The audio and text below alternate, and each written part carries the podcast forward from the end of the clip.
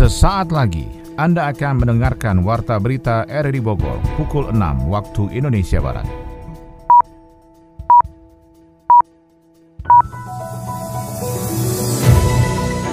Selamat pagi. Salam jumpa. Kami hadir kembali dalam Warta Berita pagi ini Jumat 21 April 2023. Siaran ini juga dapat Anda dengarkan melalui audio streaming RRI Play pada perangkat Android Anda serta dapat Anda dengarkan kembali melalui podcast kami di Spotify, Anchor, Podtail, dan Google Podcast. Berikut kami sampaikan berita utama. Kepolisian Resort Kota Bogor menjamin keamanan warga saat pelaksanaan Idul Fitri 1444 Hijriah. Harga sejumlah kebutuhan pokok di pasar kota Sukabumi mengalami kenaikan menjelang Hari Raya Idul Fitri. Seorang lansia perempuan berinisial A 70 tahun ditemukan tewas di sebuah selokan di kawasan Desa Bantarsari, Kecamatan Rancabungur, Kabupaten Bogor. Bersama saya Muhlis Abdillah, inilah Warta Berita selengkapnya.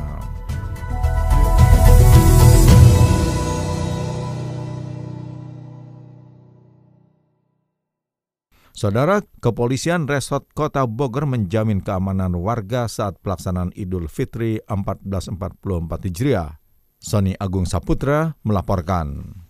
Kepolisian memastikan keamanan saat pelaksanaan sholat Idul Fitri 1444 Hijriah untuk semua kalangan. Hal itu menjadi kepastian saat adanya sejumlah masyarakat yang akan melakukan sholat Idul Fitri di hari Jumat ini dan kemungkinan pada hari Sabtu nanti. Kapolresta Bogor Kota Kombes Pol Bismo Teguh Prakoso menegaskan semua aktivitas selama rangkaian Operasi Ketupat Lodaya 2023 menjadi fokus perhatian sehingga masyarakat tetap melakukan ibadah dengan husuk dan tenang. Aparat sudah melakukan deteksi dini lokasi yang digunakan untuk melakukan peribadatan sholat Idul Fitri 1444 Hijriah dari semua kalangan. Menurutnya petugas akan melakukan pengamanan prosesi jalannya Idul Fitri mulai dari upaya tidak menimbulkan kemacetan atau gangguan masyarakat hingga nantinya mencegah adanya tindakan kejahatan semua. Jadi pengamanan ini supaya saudara-saudara kita khidmat dalam melaksanakan uh, sholat id ya motor-motornya ataupun mobil-mobilnya aman juga ya.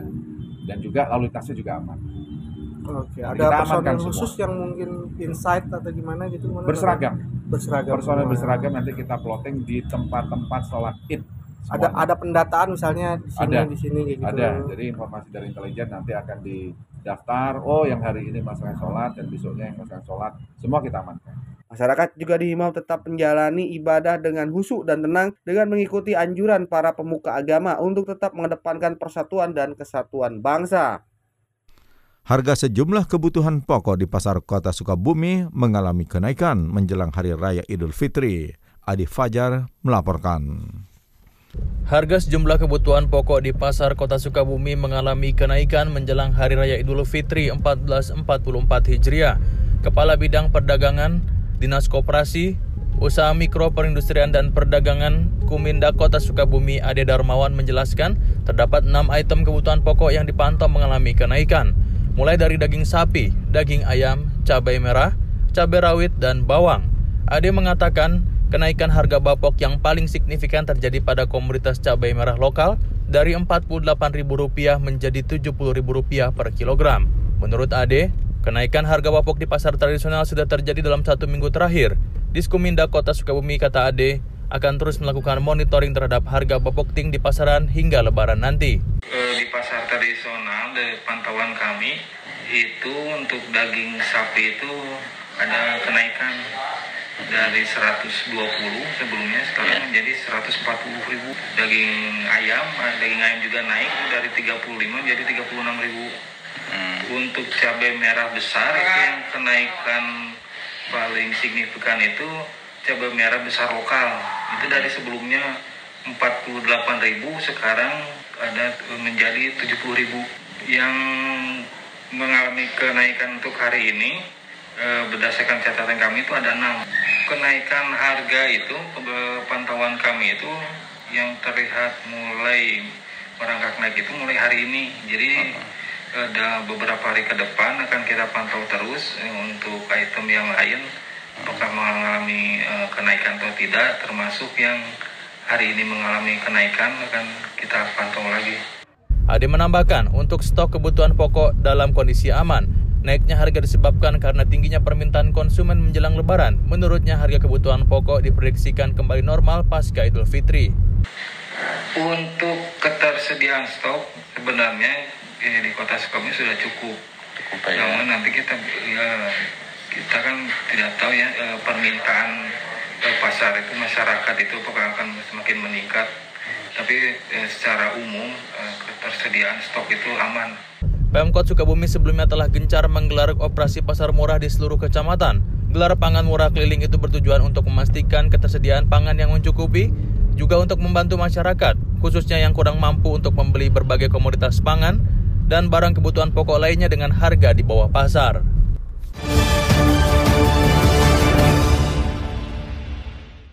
Seorang lansia perempuan berinisial A 70 tahun ditemukan tewas di sebuah selokan di kawasan Desa Bantarsari, Kecamatan Ranca Bungur, Kabupaten Bogor.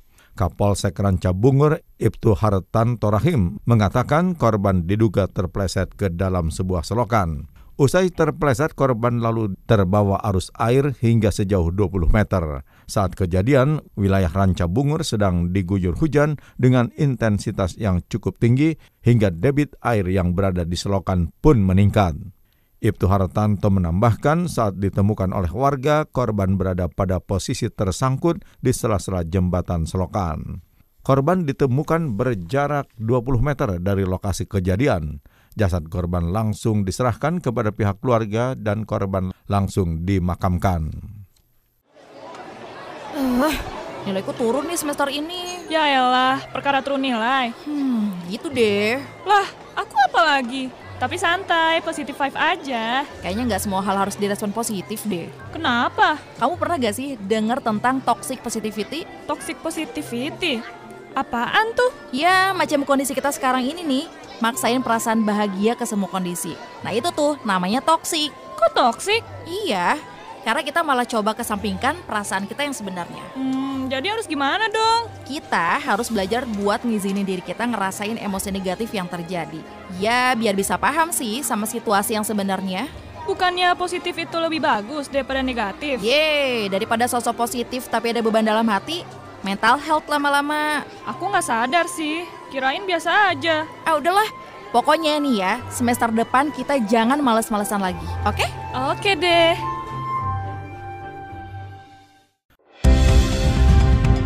Anda tengah mendengarkan Warta Berita RRI Bogor.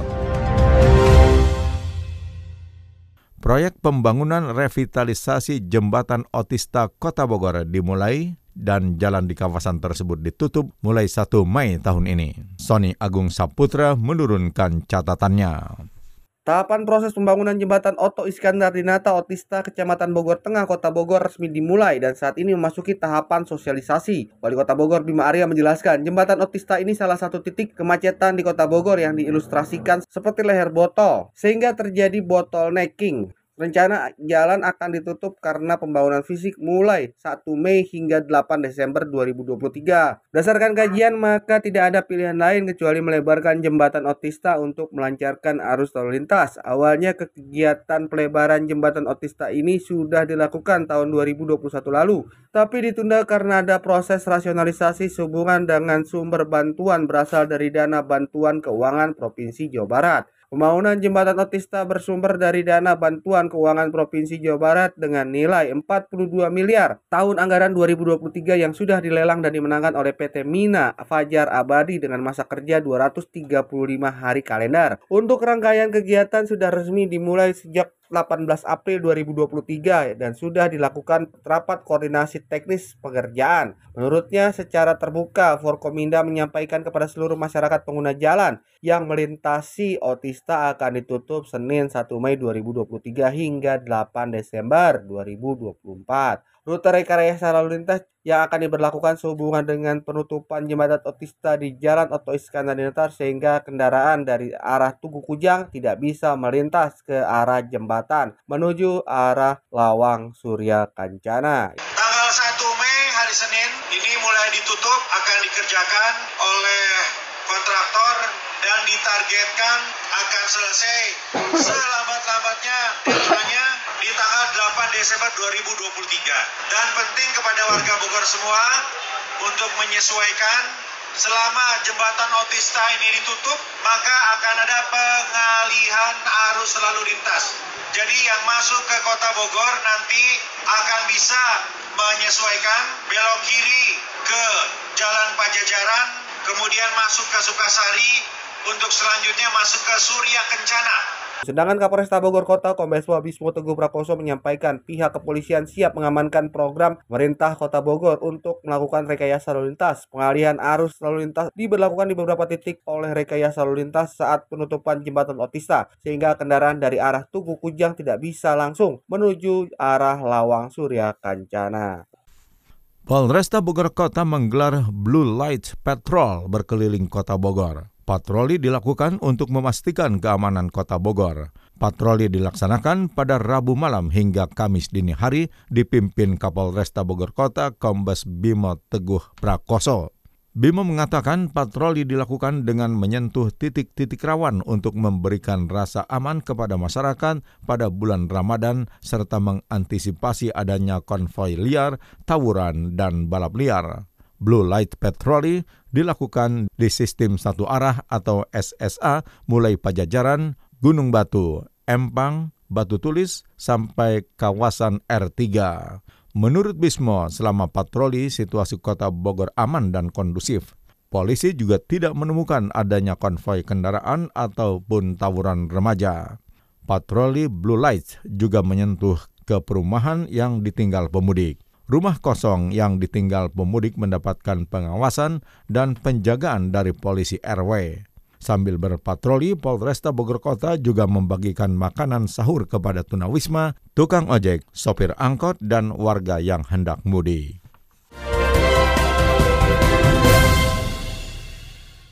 Warta Ekonomi Hari Raya Idul Fitri 1444 Hijriah sudah di depan mata, namun masih ada puluhan ribu buruh yang belum mendapatkan tunjangan Hari Raya atau THR. Perum Bulog bakal menyalurkan bantuan sosial atau bansos pangan berupa beras hingga H-1 Lebaran. Catatan selengkapnya disampaikan Adi Fajar. Hari Raya Idul Fitri 1444 Hijriah sudah di depan mata. Meski begitu hingga saat ini dilaporkan masih ada puluhan ribu buruh yang belum mendapatkan tunjangan Hari Raya atau THR. Hal ini sebagaimana yang telah disampaikan oleh Ketua Konfederasi Serikat Pekerja Indonesia atau KSPI Said Iqbal.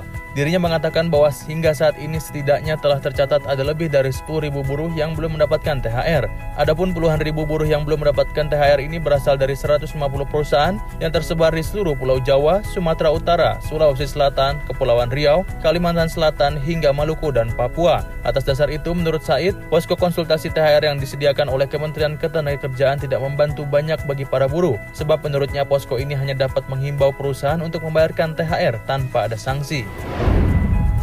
Perum Bulog bakal menyalurkan bantuan sosial atau bansos pangan berupa beras hingga Hamin satu Lebaran. Bansos tersebut diberikan kepada 21,3 juta keluarga penerima manfaat atau KPM. Hal tersebut diungkapkan Kepala Badan Pangan Nasional atau Bapanas Arif Prasetyo Adi. Menurutnya hingga mendekati Lebaran, Bulog tidak akan libur agar target distribusi bansos tahap pertama diterima seluruh KPM sebelum Lebaran. Arif mengatakan Bapanas akan bekerja sama dengan Bulog untuk memastikan progres penyaluran bantuan pangan beras sesuai dengan target serta distribusi distribusinya dan tepat waktu. Bulog telah merealisasikan bantuan pangan beras tahap pertama sebanyak 131.271.300 kg atau sekitar 61 persen dari total penyaluran sebanyak 213,5 juta kilogram. Berdasarkan jumlah tersebut, Bulog telah menyalurkan bantuan pangan beras ini kepada sekitar 13,1 juta KPM yang tersebar di 38 provinsi di Indonesia. Arif mengatakan empat provinsi telah menyelesaikan penyaluran bantuan yaitu Jambi, Sumatera Selatan, Bangka Belitung, dan Bengkulu. Beberapa provinsi yang sudah di atas 90% seperti DKI Jakarta yang penyalurannya sudah 98% dan Aceh yang sudah 95%. Ia mengatakan penyaluran bantuan pangan beras ini menjadi salah satu prioritas pemerintah yang bertujuan untuk menjaga stabilitas pasokan pangan masyarakat serta menekan lonjakan inflasi khususnya menjelang hari besar keagamaan dan nasional Idul Fitri. Bansos pangan ditujukan untuk menjaga stabilitas pasokan dan harga beras sesuai arahan dari Presiden Joko Widodo.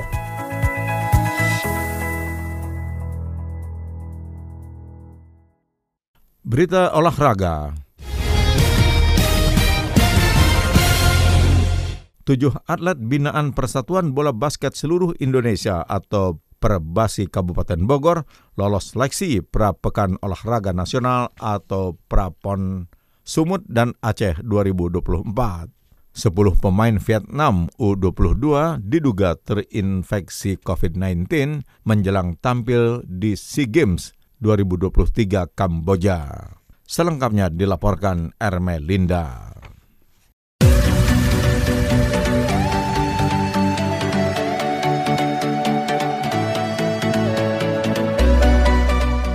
Atlet binaan Persatuan Bola Basket seluruh Indonesia Perbasi Kabupaten Bogor lolos dalam seleksi tahap pertama pembentukan tim basket 3 on 3 dan juga 5 on 5 putra dan putri Jawa Barat menuju Prapekan Olahraga Nasional atau Prapon Sumut dan Aceh 2024. Hal tersebut dikatakan Sekum Perbasi Kabupaten Bogor Mabruri. Selain itu Mabruri juga menyampaikan dengan banyaknya event yang sebelumnya telah dilakukan akan semakin memperkuat tim asuhnya. Tidak hanya untuk PON namun seluruh timnya juga dipersiapkan untuk Porda 2026 mendatang. Kita sudah istilahnya pandemi lah istilahnya terlalu tinggi kan tahun lalu dua tahun lalu tuh kita siasatin tahun ini harus bikin. Karena apa?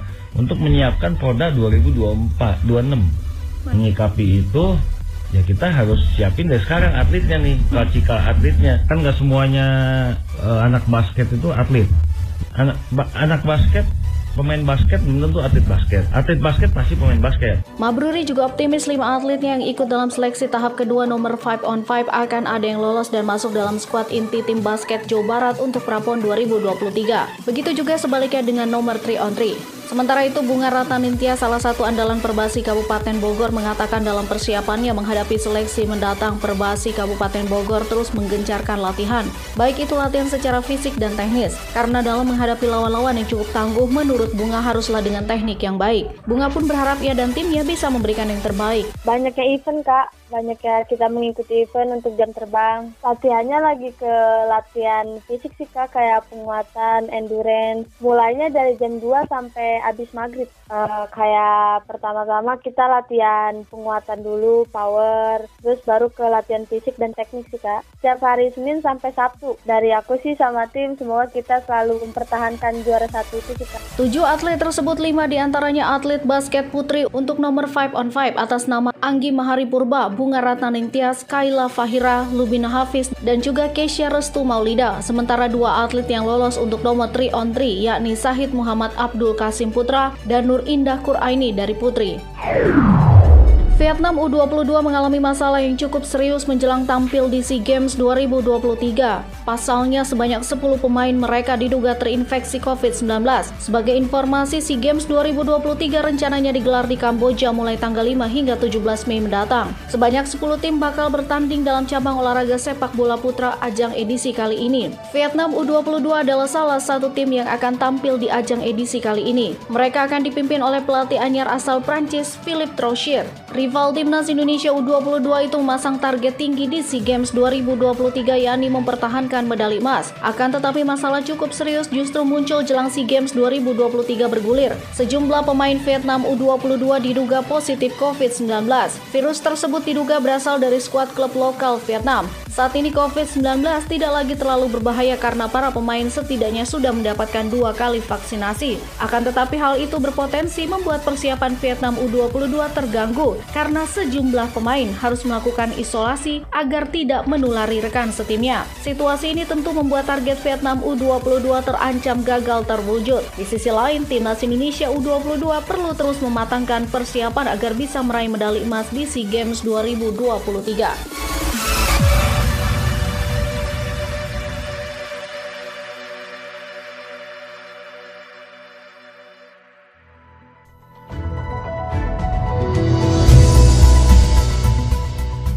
Saudara, demikian informasi yang dapat kami sampaikan dan berikut kembali kami sampaikan berita utama. Polresta Bogor Kota menjamin keamanan warga saat pelaksanaan sholat Idul Fitri 1444 Hijriah. Harga sejumlah kebutuhan pokok di pasar kota Sukabumi mengalami kenaikan menjelang Hari Raya Idul Fitri seorang lansia perempuan berinisial A, 70 tahun, ditemukan tewas di sebuah selokan di kawasan Desa Bantarsari, Kecamatan Ranca Bungur, Kabupaten Bogor. Siaran ini dapat Anda dengarkan kembali melalui podcast kami di Spotify, Anchor, Podtail, dan Google Podcast. Saya Muhlis Abdillah bersama penata teknik Mahdinur mengucapkan terima kasih atas kebersamaan Anda. Selamat pagi.